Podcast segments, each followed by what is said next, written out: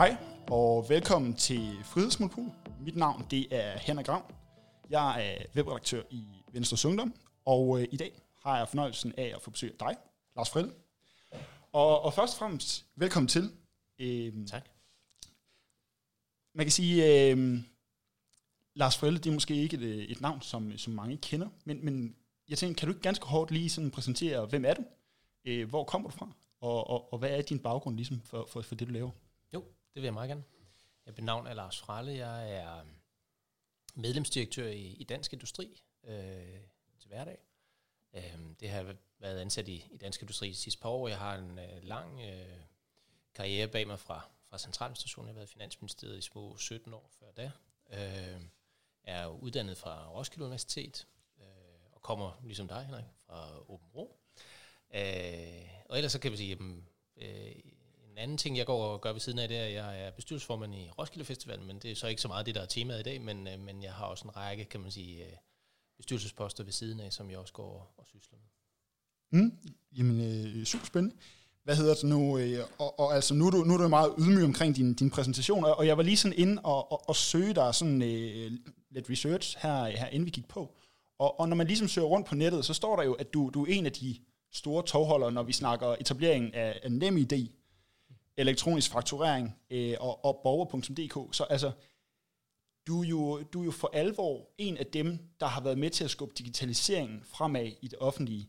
Øh, og, og det er jo, ja, det, det er noget af det, du har haft utrolig meget succes med, øh, og, øh, og er utrolig dygtig til. Mm-hmm. Tak. Men det er rigtigt, ja, det har jeg. Jeg har øh, siddet på den digitale dagsorden i den, øh, i den offentlige sektor. I, jeg blev ansat i Finansministeriet i 2001. Dengang blev, vi, blev der oprettet det, der hed den digitale taskforce, fordi man havde en forestilling om, at det digitale var noget, man lige skulle løse. Øh, og derfor nedsatte man en, en taskforce i Finansministeriet med 25 unge, håbefulde øh, mennesker, der skulle være ansat i tre år til at prøve at skubbe den digitale dagsorden fremad. Det blev så i mit tilfælde til 17 år. Mm. øh, fordi det digitale er jo ikke gået over, og det er faktisk heller ikke blevet mindre øh, relevant. Øh, ja, og det blev til mange forskellige, virkelig øh, succesfulde ting, som, som jo har skuffet den offentlige sektor rigtig langt frem på den digitale dagsorden, blandt andet et NemID, som vi jo alle sammen i dag bruger og, og, øh, og er, glade for. Ja. Jamen, øh, Ja, super fedt. Øh, og, og man kan sige, du har jo også øh, arbejdet under øh, Sofie Løde og sådan noget, kort inde i Innovationsministeriet og sådan noget, kunne se, så, så en utrolig spændende karrierevej i bund og grund, sådan, sådan generelt. Ja. Du, du kommer så fra Dansk Industri, kan man sige, og, og Dansk Industri, sådan, øh, ja, hvis du skal sætte nogle ord på det, hvad er det, I laver, og, og, og hvad er det, I ligesom øh, går og bruger jeres tid på til daglig? Ja, Dansk Industri er jo en øh, Danmarks største erhvervsorganisation. Øh, vi har i dag... Øh, godt 12.000 medlemmer. Lige om lidt har vi godt 18.000, fordi vi fusionerer her øh, 1. september med, øh, med Dansk Byggeri. Vi repræsenterer altså de her øh, lang række danske virksomheder, både i forhold til, kan man sige, arbejdsgiveriet, altså det at, at forhandle overenskomster og, og blive aftaler med, med aftaleparten, altså arbejdstagerne, som den ene del. Vi øh, er med til at påvirke den politiske dagsorden, repræsenterer virksomhedens interesser bredt set i forhold til, til regulering, i forhold til udvikling af Danmark, øve indflydelse på den politiske dagsorden. Så øh, kan man sige, så er Dansk Industri jo også en, en rådgivningsvirksomhed, der i høj grad beskæftiger sig med at rådgive virksomhederne i forhold til forretningsmuligheder, i forhold til øh, personaljuridiske spørgsmål, i forhold til det at drive virksomhed sådan bredt set. Øh, og endelig er vi, kan man sige, også en netværksorganisation, fordi de her virksomheder har jo stor nytte af at være sammen, øh, lære hinanden øh, virkeligheden, blive inspireret af hinanden. Så det er jo også noget af det, der er vigtigt øh, i vores virke. Så vi har sådan de der tre kerneområder. Altså vi er kan man sige, en interesseorganisation, vi er en øh, rådgivningsinstitution, og vi er i, i høj grad også en netværksorganisation. Ja, og, og du siger, at nu bliver I snart omkring de her, de her 17.000 medlemmer. Og altså man kan sige, 17.000 mennesker, det er rigtig mange, men, men 17.000 virksomheder, det er jo utrolig mange. Hvordan, øh, når man er så mange, altså, kan man blive enige, eller hvordan får I det ligesom til at, at fungere det dagligt? For, for man, kunne da, man kunne da forestille sig, at der må være nogle, nogle forskellige interesser øh, en gang imellem. Hvordan, hvordan arbejder I ligesom med det sådan i, i dansk industri? For det må jo nogle gange gøre det svært.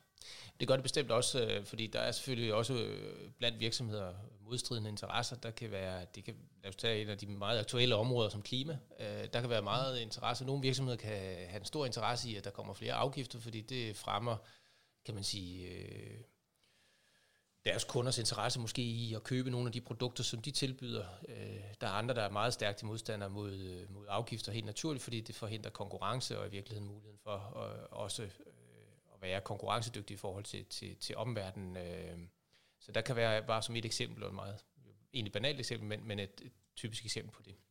Hvordan, hvordan forholder jeg så til sådan nogle spørgsmål? Sådan, øh, fordi altså klimadagsordenen, som du selv siger, det er, det er jo utrolig aktuelt. Øh, bliver I ligesom sådan, hvad kan man sige, bliver I handlingslammet? Forholder I jer i mindre grad til det, hvis der er nogle interessekonflikter, eller hvordan påvirker det på den måde? Fordi det må gøre det, jeg tænker, det gør det, det gør det svært. Jamen jeg tror, altså her er vi jo vigtigt, tror jeg, øh, for det første har vi jo en meget væsentlig opgave i at være enige med os selv, altså blandt virksomhederne om, ja. øh, tager vi klimadagsordenen alvorligt? Mm. Mener vi, at vi skal være med til at påvirke, hvad den øh, politiske vej skal være? Øh, skal Danmark være førende på det her område? Skal vi for eksempel sætte 70% målsætningen, som vi var ude og sidste år sige, at det var noget af det vigtigste, man skulle tage øh, og hilse velkommen, øh, at vi skulle nå en 70% reduktion af CO2 i, i 2030. Øh, sætte det som mål for vores virksomheder. Finde de løsninger sammen, der kan gøre, at, at vi samtidig ikke tilsidesætter vores konkurrenceevne. Og ved at sige, at vi stadigvæk skal have en stærk konkurrenceevne også i forhold til udlandet, jamen, så kan det jo ikke være en afgiftsvej, vi kan gå. Altså hvis vi begynder at påvirke, pålægge os selv meget store afgifter, pålægger vi sådan set også virksomheden nogle afgifter, som vil gøre, at de grundlæggende set i forhold til at have en produktion i Danmark, i forhold til at kunne producere fødevarer, eller hvad det måtte være, hvis de bliver øh, udsat for meget stærke afgifter på for eksempel at bruge energi, jamen så vil det jo ikke kunne betale sig at have en produktion i Danmark, så vil de flytte det til udlandet. Altså dermed vil vi jo sådan set flytte den klimabesparelse, der vil være, eller den mulighed til, til et andet land, så vil vi flytte til Polen, eller hvor det nu vil være, og vil fortsætte med at, kan man sige, øh, ikke at bidrage positivt til klimadagsordenen. Så, så en af de ting, vi som virksomhed for eksempel er blevet enige om, det er jo selvfølgelig ikke at gå afgiftsvejen, selvom der grundlæggende set kunne være virksomheder, der kunne have den interesse men at vi skal finde nogle andre løsninger. Øh, og det, der er vigtigt for os som organisation, er jo også at være dem, der prøver at komme med løsningerne på det her, i stedet for at overlade det til politikerne. Så vi, vi har jo i høj grad været med til at spille en masse forskellige typer af løsninger ind på, hvordan kan vi så nå de her 2030 mål, uden at det skal for eksempel være gennem afgiftsvejen eller gennem forbudsvejen. Ja, ja, så se, hvor I ligesom kan finde nogle kompromiser, og så, så gå sammen fremad. Ja, det er det, vi gør selvfølgelig, og så tillader selvfølgelig også inden for et, for et bredt spektrum, at der er forskel, og derfor er, er i, i en organisation som vores, er vi jo igen, vi er underopdelt i brancher, øh, så vi har øh, godt ni forskellige brancher, organiseringer hos os, så man kan for eksempel være i fødevarebranchen, så har man nogle særlige interesser på fødevareområdet, som et eksempel. Vi har også en lang række medlemsforeninger, vi har øh, lige om et øjeblik godt over 100 medlemsforeninger, når dansk byggeri kommer ind, det vil sige, at de kan så være organiseret i beton, eller de kan være en teglvirksomhed, og dermed have nogle interesser, særligt på teglområdet. Og så vil de så typisk have nogle særskilte interesser, som egentlig ikke er, er repræsentative for hele DI, men jo øh, specielt for, for den her del. Og det skal man jo have den, kan man sige, fleksibilitet i sådan en organisation som vores. Men der er sådan nogle grundhegns, øh, kan man sige, hegnspæle, vi slår ned omkring, hvad DI mener, hvad det er, vi ønsker at være i vores samfund. Og det kan man sige, bliver man ligesom enige om, når man melder sig ind, og det tager vi jo også løbende en, en, en diskussion med hinanden om i, uh, i vores forskellige besluttende organer i, uh, i dansk industri. Ja, ja, ja så ligesom at samles der, hvor, hvor man ligesom kan se noget, noget sammen. Ja, det er klart, at der kan jo være nogle dagsordner, som hvis det nu var øh, inden for, for rådgivningsområdet, hvis det nu var øh, et management virksomhed eller arkitekter, jamen, så kan de have nogle særlige interesser inden for det her felt, og der kan de selvfølgelig godt have nogle synspunkter, som kan være divergere fra en anden branche. Mm. Det kan vi sådan set godt håndtere. Men der er nogle grundhegnspæle om, hvad vi egentlig mener, for eksempel i forhold til klimadagsordenen. Så ja. mener vi jo grundlæggende set, at, at det er fornuftigt at nå den her 70% målsætning bidrag til klimadagsordenen. Mm. Det er også grundlæggende set fornuftigt, synes vi jo, at vi skal overholde lovgivningen og gøre nogle af de ting, der er i forhold til det her, eller hvis vi nu tager coronasituationen, jamen sådan set også prøve at, at hjælpe med at løse den øh, enorme krise, som, som vores land og alle andre lande har været udsat for her i den her periode. Ja, jeg for netop det her med, med corona, der kan man sige, der er nogle ting, der ligesom kan, ja, hvad kan man sige, øh, splitte virksomhederne, eller i hvert fald gøre, at de ikke er helt enige. Men, men sådan noget som corona, der, der ender mange jo lidt i samme båd. Sådan. Kan man sige noget generelt om, hvordan de danske virksomheder, eller i hvert fald jeres, øh, jeres medlemmer, de ligesom er, er blevet ramt af den her coronakrise?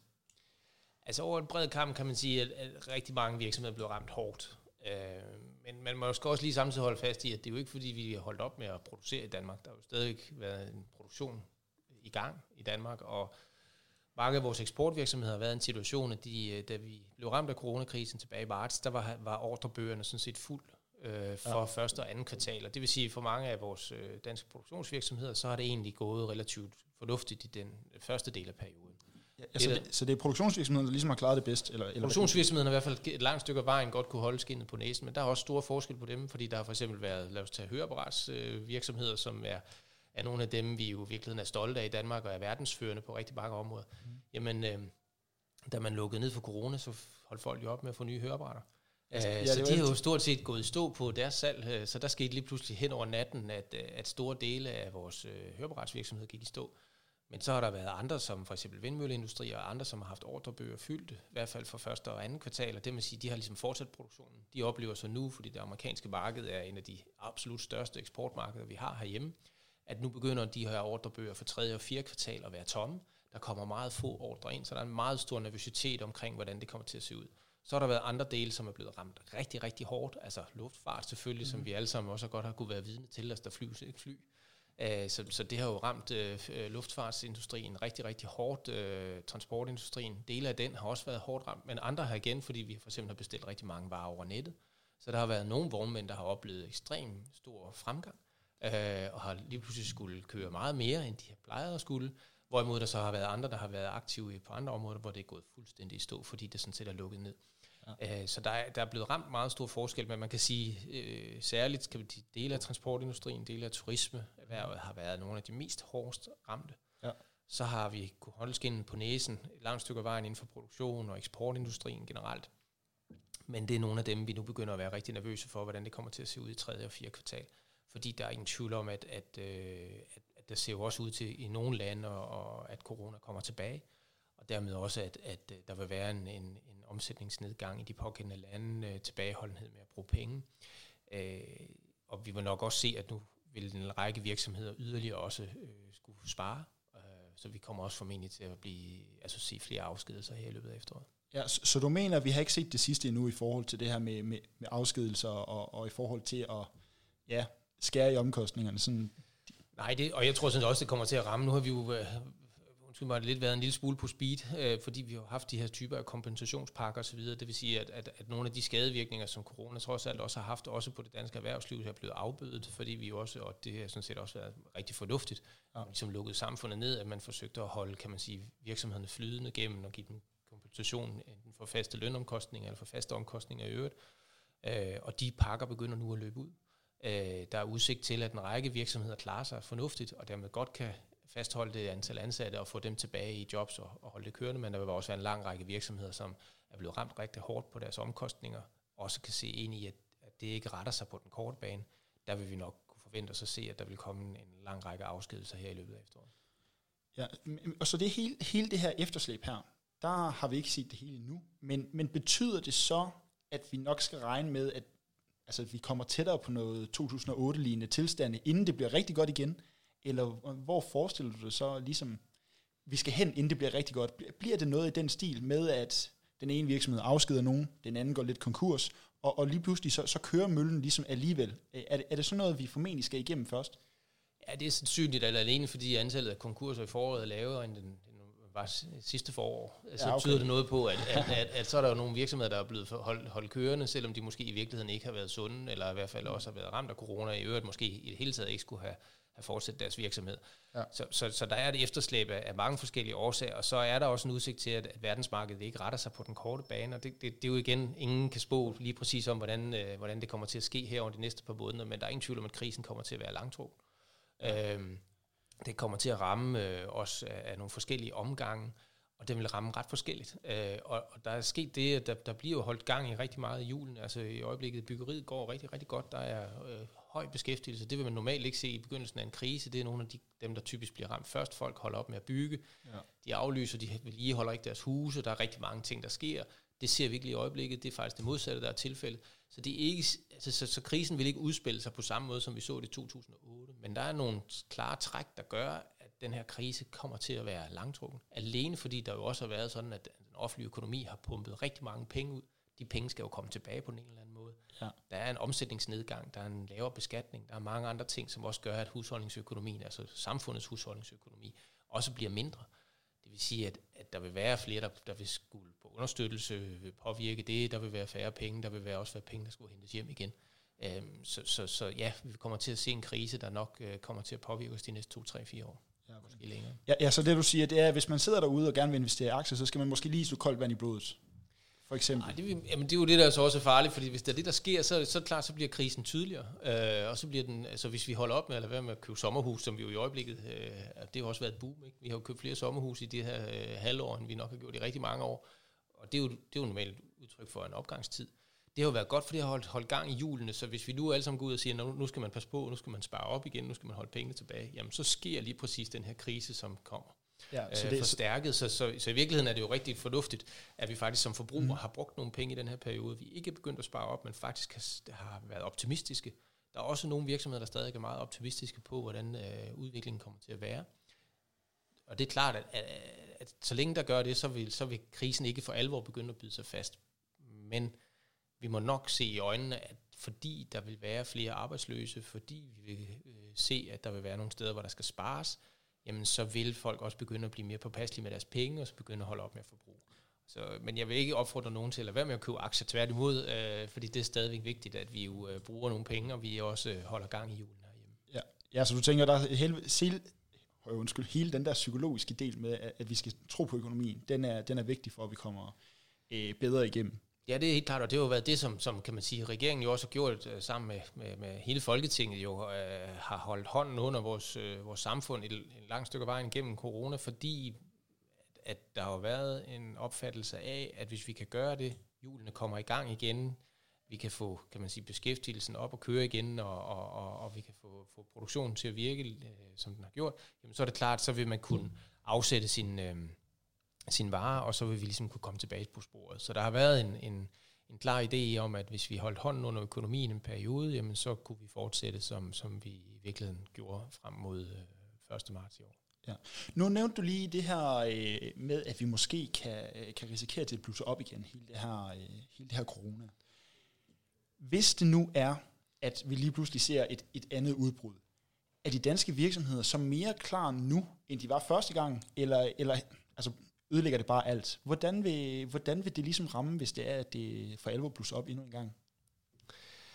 Altså, jeg tror, hvis man skulle lukke samfundet ned på samme måde, så ville det have en, en ret for, forfærdende virkning på rigtig mange virksomheder, fordi der trods alt har været øh, opsparing, der har været noget på kistbunden, som har kunne holde dem flydende, også selv i, i den første del af, af krisens fase her i, i marts og frem tror, hvis man kom tilbage nu og lukkede virksomhederne ned for alvor en, runde igen, så, så vil det her komme til at gøre rigtig, rigtig ondt, og rigtig mange virksomheder vil, vil de facto komme til at dreje nøglen om på en eller anden måde. Så vores håb er selvfølgelig, hvis det ulykkeligt skulle ske, at, at, at det her plusser op igen, det er jo et for det første det, vi ser i øjeblikket, at man på begrænsede områder sætter forstærket ind. Nu har vi set nogle, nogle ting omkring Aarhus, vi har set det øhm, omkring en slagteri, øh, hvor, hvor man så ligesom laver en, en, en indsats og, og lukker ned øh, og, og griber ret stærkt ind. Og det tror jeg er noget af det, der er vejen frem. Altså vi vælger ligesom at gribe helt præcist ind de steder, hvor det ligesom øh, øh bryder ud. Det andet er selvfølgelig, at virksomheden er bedre klædt på. Der er jo øh, indført en masse forskellige øh, vejledninger og regler på de forskellige arbejdspladser, afstandskrav, vi vasker hænder, vi spritter, vi bruger mundbind, vi gør rigtig mange forskellige ting i rigtig mange virksomheder. Så, så er der også en større chance for, og sandsynlighed for, og det håber vi da også, at politikerne vil være med på, at vi holder øh, mange af de her virksomheder kørende, så vi ikke skal lukke store dele af samfundet ned igen. Men det er klart, det kommer an på, hvor, hvor slemt det kommer til at blive, og det er sundhedsmyndighedernes anbefaling, der i sidste ende skal være det, der er udslagsgivende. Så hvis sundhedsmyndighederne kommer til at anbefale, at vi lukker, så skal vi selvfølgelig gøre det, fordi vi har jo også kunne se, at, hvis vi, at da vi lukkede rigtig stærkt ned der i, i marts og april, så havde vi faktisk også en evne til at komme tilbage igen. Og, og hvis det selvfølgelig ulykkeligt skulle ske, så skal vi lukke ned, fordi hvis det er det her sundhedsmyndighederne mener er det rigtigt, så må vi gøre det på, på selvfølgelig på bekostning af også virksomhedernes omsætning. Men lad os håbe, at vi kan klare øh, krisen ved at gribe resolut ind i de øh, felter, hvor vi ser nogle øh, udbrud komme. Ja. Hele det her med, med corona og, og, og nedlukning og så videre, der kan man sige, som politikere og som ungdomspolitikere, der sidder vi jo, altså der sidder vi jo lidt og tænker, jamen, hvordan kan man øh, gøre det bedste for virksomheden lige nu? Vi er et øh, liberalt ungdomsparti. Vi vil gerne sænke skatterne. Øh, en lav grad af statslig indblanding. Øh, og, og, og alligevel så, øh, så hører man jo Jacob Ellemann sige, jamen vi bliver simpelthen nødt til at gøre noget for virksomhederne. Og, og, og vi går måske ja, lidt på, på kompromis med vores ideologi, eller hvad kan man sige. Mm-hmm. Øh, men hvis vi sådan skal gøre det bedste af det bedste for virksomhederne, hvordan forestiller du dig så, at man, øh, at man måske både i Venstre, øh, og også den politik, vi har i Venstres Ungdom, hvordan vil man der kunne, kunne, kunne gøre noget gavnligt for, øh, for, for virksomhederne? Øh, ja, man kan sige både som det er nu, hvor der måske kommer et efterslæb, men også øh, hvis der kommer en, en runde to. Hvad er der det bedste, vi vil kunne gøre som politikere, øh, for at, at komme mest, øh, nej, mindst hedder det jo så, mindst smertefuldt igennem, øh, igennem krisen? Altså, der er jo både, der er både kortsigtet, og så er der et langsigtet øh, horisont på det her. Jeg tror, det ene er, at krise er også muligheder. Uh, vi skal udnytte, hvis vi lige tager det kort til lange lys på, så tror jeg, det er rigtig vigtigt, at vi siger, hvad er det, vi i Danmark gerne vil, hvordan vil vi gerne komme ud af krisen igen? Mm. Uh, uagtet om der nu kommer en runde to, eller, eller vi egentlig ser en vej, hvor vi begynder at komme tilbage, og, og corona klinger af på den ene eller anden måde, jamen, så handler det jo rigtig meget om, om, hvordan skal vi foretage de rigtige investeringer i infrastruktur, grøn omstilling, samfundet, som kan man sige, reformer er enormt vigtige. Altså, Danmark er et lille bitte land, der lever af eksport og, og være en åben økonomi i forhold til omverdenen. Hvis vi lukker os ned, lukker vores grænser, øh, siger, at nu vil vi ikke samhandle med omverdenen, nu vil vi sætte bombene op, og vi vil gøre rigtig mange ting, jamen så forhindrer vi jo sådan set egentlig det, som Danmark skal leve af. Vi skal være en eksportnation, vi skal være dynamiske, vi skal være dygtigere end store lande, fordi vores evne er jo ikke, vi har jo ikke kæmpe store virksomheder i Danmark. Vi har øh, vi er et land af små og mellemstore virksomheder. Så hvordan kan vi i virkeligheden opretholde en stor innovation, dynamik, være dygtige handelsfolk, dygtige produktionsfolk, der evner faktisk at omstille os løbende til, til den dagsorden, der er. Og der er ingen tvivl om, set med vores øjne, at klima en fantastisk mulighed for de danske virksomheder. Klimaomstilling er noget, alle lande, om de vil det eller ej, bliver mødt af.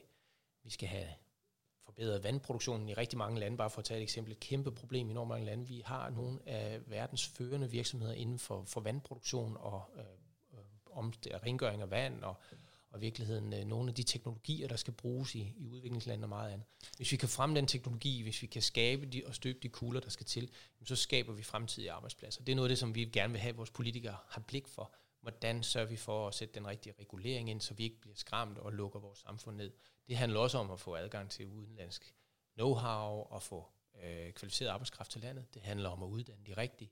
Det handler om, at man også i Danmark laver nogle af de investeringer, der skal til. Så det her lange lys er helt fundamentalt, også i den her krisesituation, så vi kommer lykkeligt ud på den anden side. Øhm, det er det ene. Det andet i forhold til, til, til det, der sker her og nu, så tror jeg, at det, der er, er fundamentalt vigtigt, er jo virkeligheden at have den tættest mulige dialog med virksomhederne om den her situation, de befinder sig i, og hvad der vil være godt at gøre. Virksomhederne vil enormt gerne være med til at tage ansvar for den her krise de ser også, at de har et samfundsansvar. Jo ikke for at sprede smitten, heller ikke sprede smitten fra deres øh, medarbejdere. Så det handler jo om på forskellige måder at lave nogle kloge indsatser. Det kan være i forhold til at indføre mundbind, hvis det er det. Hvis sundhedsmyndighederne i dialog med virksomhederne finder ud af, jamen vi kan øh, fjerne en del af smittetruslen øh, på nogle af de her arbejdspladser ved at indføre mundbind, jamen, så vil virksomhederne gerne være villige til det. For det er klart, at så længe de kan få opretholdt deres produktion eller deres, øh, kan man sige, omsætning, ved at tage en række initiativer, så vil de super gerne det. Så den her tidlige dialog, øh, klarheden over, hvad det er for en plan, der er, det er også en efterlysning, vi har kommet med, at sige, hvad er så strategien i tilfælde af, at vi skal lukke ned igen, hvordan skal vi så gøre det her klogt? Det vil være øh, super fornuftigt at begynde at få den dialog med hinanden. Øhm, så er der noget af det, som, som vi så også har været rigtig glade for, Venstre har været med på her også, det er jo at få forskning og udviklingsfradraget ind, øh, som en af de ting, vi synes har været rigtig godt, at Venstre har været med ud og bare på, og som vi nu også har fået indsat her over de næste par år. Så der kommer et forsknings- og udviklingsfradrag for en række af vores virksomheder, som for eksempel høreapparatsindustrien. Mm. Så det er nogle af de steder, som også handler på, om kan vi gøre nogle steder, hvor vi kan lette det at være virksomhed i Danmark i den her periode, hvor krisen trykker rigtig meget. Øhm, vi har også været ude og anbefale, at vi skal kigge på, hvordan vi får eksporten op at stå, lave en forstærket indsats omkring eksport for eksempel, fordi det er der ingen tvivl om, at noget af den største trussel, vi har 800.000 ansatte, der er afhængige af eksporten i Danmark. Hvis den går ned, så vil den sprede sig som ring i vandet, og der vil komme en mere udbredt arbejdsløshed. Så kan vi opretholde en stærk og høj eksport. Det kræver også hjælp fra myndighederne i forhold til at nedbryde barriere, få EU til at virke, gøre nogle ting i forhold til EU-dagsordenen, også sådan så, at øh, de enkelte lande ikke lukker ned for sig, hver for sig, altså så franskmændene lukker ned, tyskerne osv., mm. men stadigvæk holder åbne grænser. Ja. Det er super, super vigtigt for os. Ja, så det er sådan noget med at øh, have klarhed om, hvad planen er, lave nogle kloge indsatser, hvor man måske, som du nævner med, med, med Danish Crown, vel går ind og, og, og siger, jamen så er det den her virksomhed, vi lukker ned for at stoppe det her. Øh, og så, ja det andet du siger, egentlig noget langsigtet øh, i forhold til det her med at øh, fokusere på, på frihandel, og, og så skabe nogle rammer, der måske kan, kan løse nogle af, af, af samfundets udfordringer i fremtiden. Ja, fordi det, jeg synes, det er enormt vigtigt, hvad er det Danmark skal leve af? Altså, hvad skal vi leve af, når krisen er slut? Altså, hvad, hvad, hvad, hvad er det for et land, vi gerne vil være? Øh, og, og vi er ikke... Øh, vi har ikke en, en bilindustri eller noget andet. Vi har ikke kæmpe store arbejdspladser, men vi, vi, er, vi evner at omstille os. Øh, og det skal vi gøre løbende som samfund. Og det, og det tror jeg er enormt vigtigt at have den her politiske debat løbende om, hvordan bliver vi i virkeligheden det her samfund, der er agile, tilpasningsdygtige, som er åbne, fordi vi kan jo ikke, vi kan ikke leve af at producere til hinanden i Danmark. Vi skal leve af at eksportere det, vi laver, for at vi kan skabe den øh, økonomi, som grundlæggende set kan holde et velfærdssamfund kørende i den størrelsesorden, som vi har, og alle de her ting. Øh, og derfor skal man have et stort blik for, og det er jo også noget, som vi skal arbejde for, det er jo, at man skal have en bevidsthed om, at, at det handler om, at et stærkt samfund kræver stærke virksomheder, og de her stærke virksomheder skal have nogle konkurrencemuligheder og skal kunne klare sig godt i omverdenen det gør vi jo ikke gennem at lukke vores grænser ned, eller pålægge store afgifter, eller forbyde øh, biltransport, eller hvad det nu måtte være, før vi ja. sådan set er klar til den her omstilling. Det, det, det er klart, at, at det er jo noget med også, at vi skal have den her dialog om den her omstilling løbende, fordi der er ingen tvivl om, at vi skal nå de her klimamålsætninger, hvis vi også skal redde planeten. Ikke? Ja, så du tænker i, i bund og grund, at det måske faktisk bare er øh, en anledning til at omstille sig, det her med, at vi, altså vi lige så godt kan, kan få det bedste ud af situationen, og så netop bruge det til omstilling, øh, så vi også kan, ja, komme foran på den dagsorden, eller hvad, hvad skal man sige? Ja, fordi det, vi skal jo ikke være et samfund, hvor vi sidder, og det har vi jo heller aldrig været, i hvert fald i de sidste mange år, hvor vi ender med at sidde og, og, og, og lave statssubventionerede private virksomheder. Det er der ikke rigtig nogen virksomheder, der grundlæggende set har en interesse i, fordi så er de ikke konkurrencedygtige, og grundlæggende kan det ikke klare sig på verdensmarkedet. Så det handler jo om at give nogle rammevilkår, så virksomheden kan klare sig i den åbne og frie konkurrence.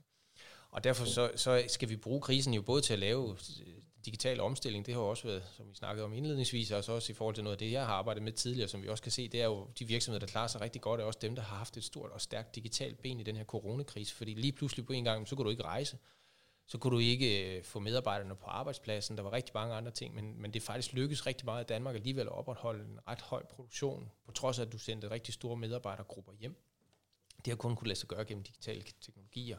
En del af eksporten har i høj grad stadig kunne øh, fungere, fordi man har evnet at, at kunne arbejde sammen med sine datterselskaber i andre lande og sådan noget, gennem de digitale teknologier, man har, og været evnet også at omstille sin produktion. Vi har også set helt fantastisk, rigtig mange virksomheder har evnet at omstille produktionen på rigtig kort tid, fordi så var der nogle andre ting, der var ønsket, og det kunne danske virksomheder godt levere på.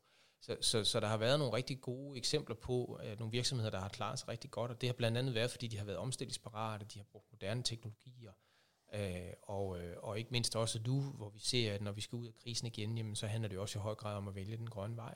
Øh, fordi det er det, der også kommer til at være fremtiden også øh, for, for, for hele verden. Ja, så, så meget det her med, med fremsyn, så vi også kommer ud på den anden side. Hvis du så kigger på sådan øh, Mette Frederiksen og hele regeringens øh, håndtering af, af situationen, har det så været den rigtige måde at gøre det på? Øh, har det været den rigtige måde i første omgang, e- eller har de, har de ramt forbi fra start? Øh, eller hvad tænker I om det? For man kan sige, de har jo meget haft øh, her og nu-brillerne på. Ja. Øh, det ved ikke, hvordan sådan, tænker I om det? Der har jo været en akut krisestyring, ikke? og som jo så også stadigvæk kan finde sted, hvis vi kommer til at være inde i en, en, en corona-runde to for alvor, så, så er det klart, så er det en krisestyring her nu, så skal man jo ligesom tage hånd om det, som, som også sundhedsmyndighederne kommer til at anbefale. Vi, vores oplevelse er helt klart, at, at der, der, der blev gjort det rigtige tilbage i marts, da man lukkede samfundet ned, og det accepterede virksomhederne også. Vi skulle forhindre kan man sige, øh, coronakrisen for alvor, vandt indpas, og vi så. Altså det var det billede, vi alle sammen havde. Vi havde Bergamo foran øjnene for os selv, ikke? og så de her antallet af dødsfald, og folk, der lå øh, jo godt på gangene, og, og en hospitalsektor, der ikke kunne klare det pres, de blev udsat for. Og det var også klart nogle af de første ting, der ligesom var. Vi havde ikke en sundhedskapacitet, der kunne tage sig af så mange syge. Vi havde ikke respiratorkapacitet, vi havde ikke værnemidler, vi havde rigtig mange ting, der ikke var på plads for, at vi kunne håndtere en krise af de her dimensioner. Så kan man selvfølgelig diskutere, kunne man have set det tidligere og andre ting. Det skal jeg ikke kunne love mig på. Men, men den, den resolute indgriben på det tidspunkt var fornuftig. Det var sådan set det rigtige at gøre, og det accepterede øh, langt de fleste virksomheder også, fordi selvfølgelig har vi jo heller ikke en interesse som virksomhed i, at vores medarbejdere bliver syge, og dermed grundlæggende set ikke kan passe deres arbejde osv. Så, så var det bedre at sende dem hjem. Øh, og der blev også meget hurtigt iværksat en række af de her kompensationsordninger. Så tror jeg, der har været et stort ønske for virksomheden om at få nogle klare planer og få nogle klare svar og nogle klare holdninger. Det kan øh, vi godt forstå, at det har været vanskeligt at, at kunne give, og der har selvfølgelig været nogle skønhedsfejl undervejs i den her proces. Øh, det tror jeg, der kommer mange diskussioner af hen ad vejen.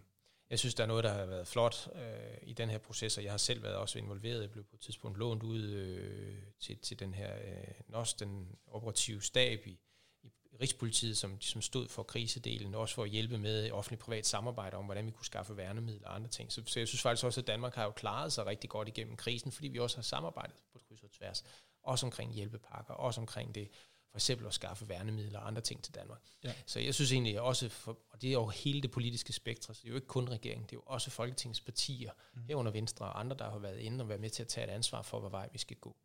Så er det klart, at nu har vi et ønske om, at man hæver blikket, også politisk, fordi det er også det, det handler om. Der er en krisestyring her nu, som ja. meget også er styret af, hvad sundhedsmyndigheden kommer og siger. Men så er der jo en klar politisk opgave i at sørge for, hvordan reformerer vi os fortsat som samfund i det her. Hvad kan vi lære ud af den her krise, så vi er bedre rustet næste gang, hvis en anden krise måtte komme. Der har vi lært rigtig meget, og der er der helt klart ting, der kan gøres på en anden måde. Fordi det er klart, at, det kommer jo bag på os, det her. Ja. Og det er klart, at forhåbentlig, hvis der kommer en næste runde corona, eller en anden epidemi, eller hvad det nu måtte være, så øh, har vi været, er vi langt bedre til den krisehåndtering øh, i, en, i en ny situation. Ja, man kan sige, nu, nu nævner du også det her med, med hjælpepakkerne og, og kompensationsordningerne. Og, og tidligere var du også inde på, på det her med, jamen, der, er, der er egentlig færre, der er gået konkurs i, i denne periode, som der, der var samme periode sidste år. Øh, når alt kommer til alt, er hjælpepakkerne så en god ting, eller er det, altså forstå mig ret, det, det er måske fint nok med, med en form for hjælp, men, men et gammelt citat lyder jo også, lad falde, hvor kan stå. Øh, altså har det, har det taget overhånd, det her med, med hjælpepakkerne? Eller, eller vil du også sige, at det måske har været den, den rigtige situation, og så må vi ligesom lade falde efterfølgende, eller hvad kan man sige? Jeg tror, vi var alle sammen, det er klart, man kan jo være retrospektivt være meget klogere nu, end man nok var øh, der, da krisen satte ind. Vi troede jo alle sammen, det ville måske være en kortere periode, hvor det handlede også om, og det var også de første sådan, kan man sige, budskaber, der kom ud fra regeringen, det er, at vi skal opbygge en kapacitet, til, på sygehusene, så vi kan tage vare på de flere syge, fordi vi bliver flere syge. Så har der været en opfattelse også en periode at vi skulle lade smitten sprede sig, og så skulle vi ligesom kan man sige, blive immuniseret, som svenskerne til dels også har fulgt den strategi. Og så der har været mange forskellige overvejelser ja. i spil, og der er jo meget få af os, hvis om nogen der overhovedet har kunne gennemskue, hvad det rigtigt har været. Vi har synes det var særdeles fornuftigt at gå ind og øh, iværksætte en række af de her øh, kompensationsordninger for at holde hånden under vores virksomheder i en periode, og også fordi der var sådan en massiv hjemmesendelse osv. Der var meget, meget, meget få virksomheder, der trods alt ville selv kunne have dækket en lønomkostning af de dimensioner i den her periode. Ja. Og det er alt andet lige bedre, både for samfundsøkonomien og, og for virksomhederne, at det, som der er sket i den her periode. Der er ingen tvivl om, vi skal også trappe ud af det her igen. Uh, derfor har vi også været med til at sige, at det, det er naturligt, at vi nu skal finde nogle måder på at få trappet ud af pakkerne på. Der kan være nogle af de her situationer, hvis man nu, som man lige nu diskuterer i de her dage, skal man lade være med at lade nattelivet åbne osv., jamen så er det klart også, så må man jo se ind i nok også at holde hånden under nogle af de her virksomheder en længere periode, end den nu er lagt op til per 31. august. Men, men udgangspunktet er sådan set, at vi er med på, at nu skal man udfase de her grisepakker, fordi vi skal sådan set også tilbage til at have et samfund, der fungerer på de almindelige præmisser. Herunder, ja, hvad, hvad ikke kan stå må falde.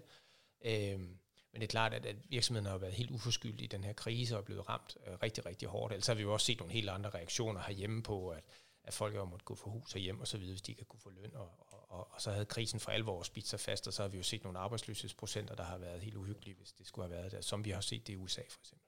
Ja. Ja, så, så, så, så du tænker, det, det måske var, var, var rigtigt nok set i situationen? Ja, det synes vi bestemt, det har været. Men du forestiller dig også, at man måske vil holde øh, hjælpen længere for, for nogle brancher end for andre brancher. Øh, så altså man ligesom tager hensyn på den måde.